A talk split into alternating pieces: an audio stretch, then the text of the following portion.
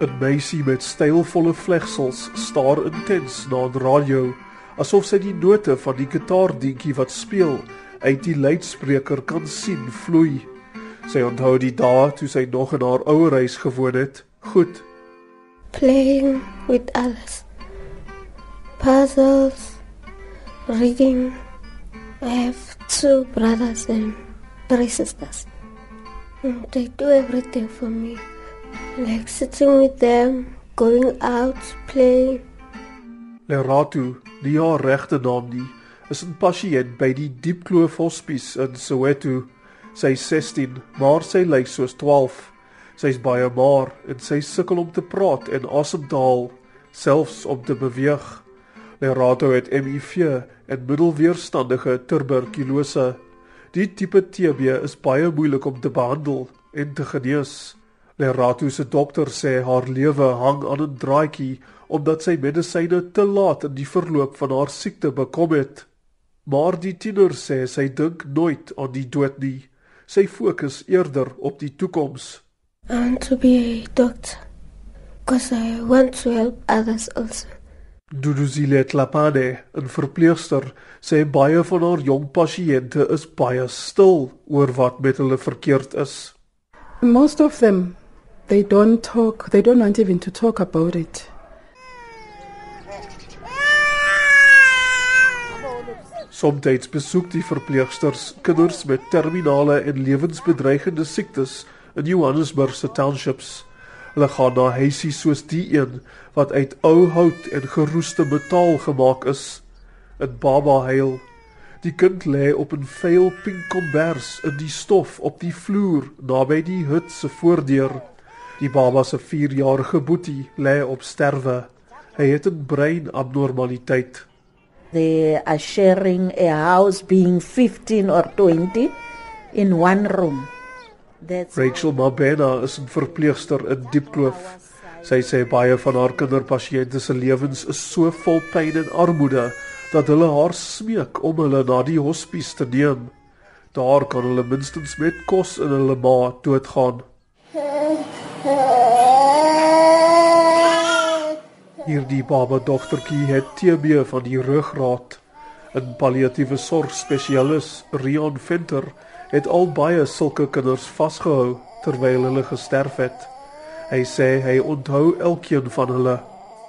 especially little ones with severe deformities and life threatening conditions who were beautiful little human beings and died.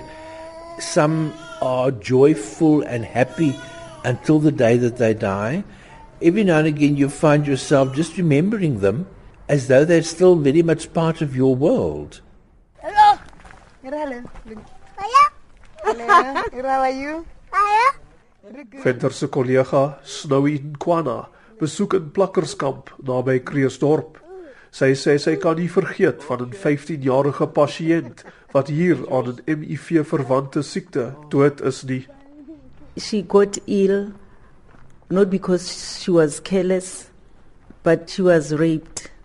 She was raped by people she knew. She was beautiful.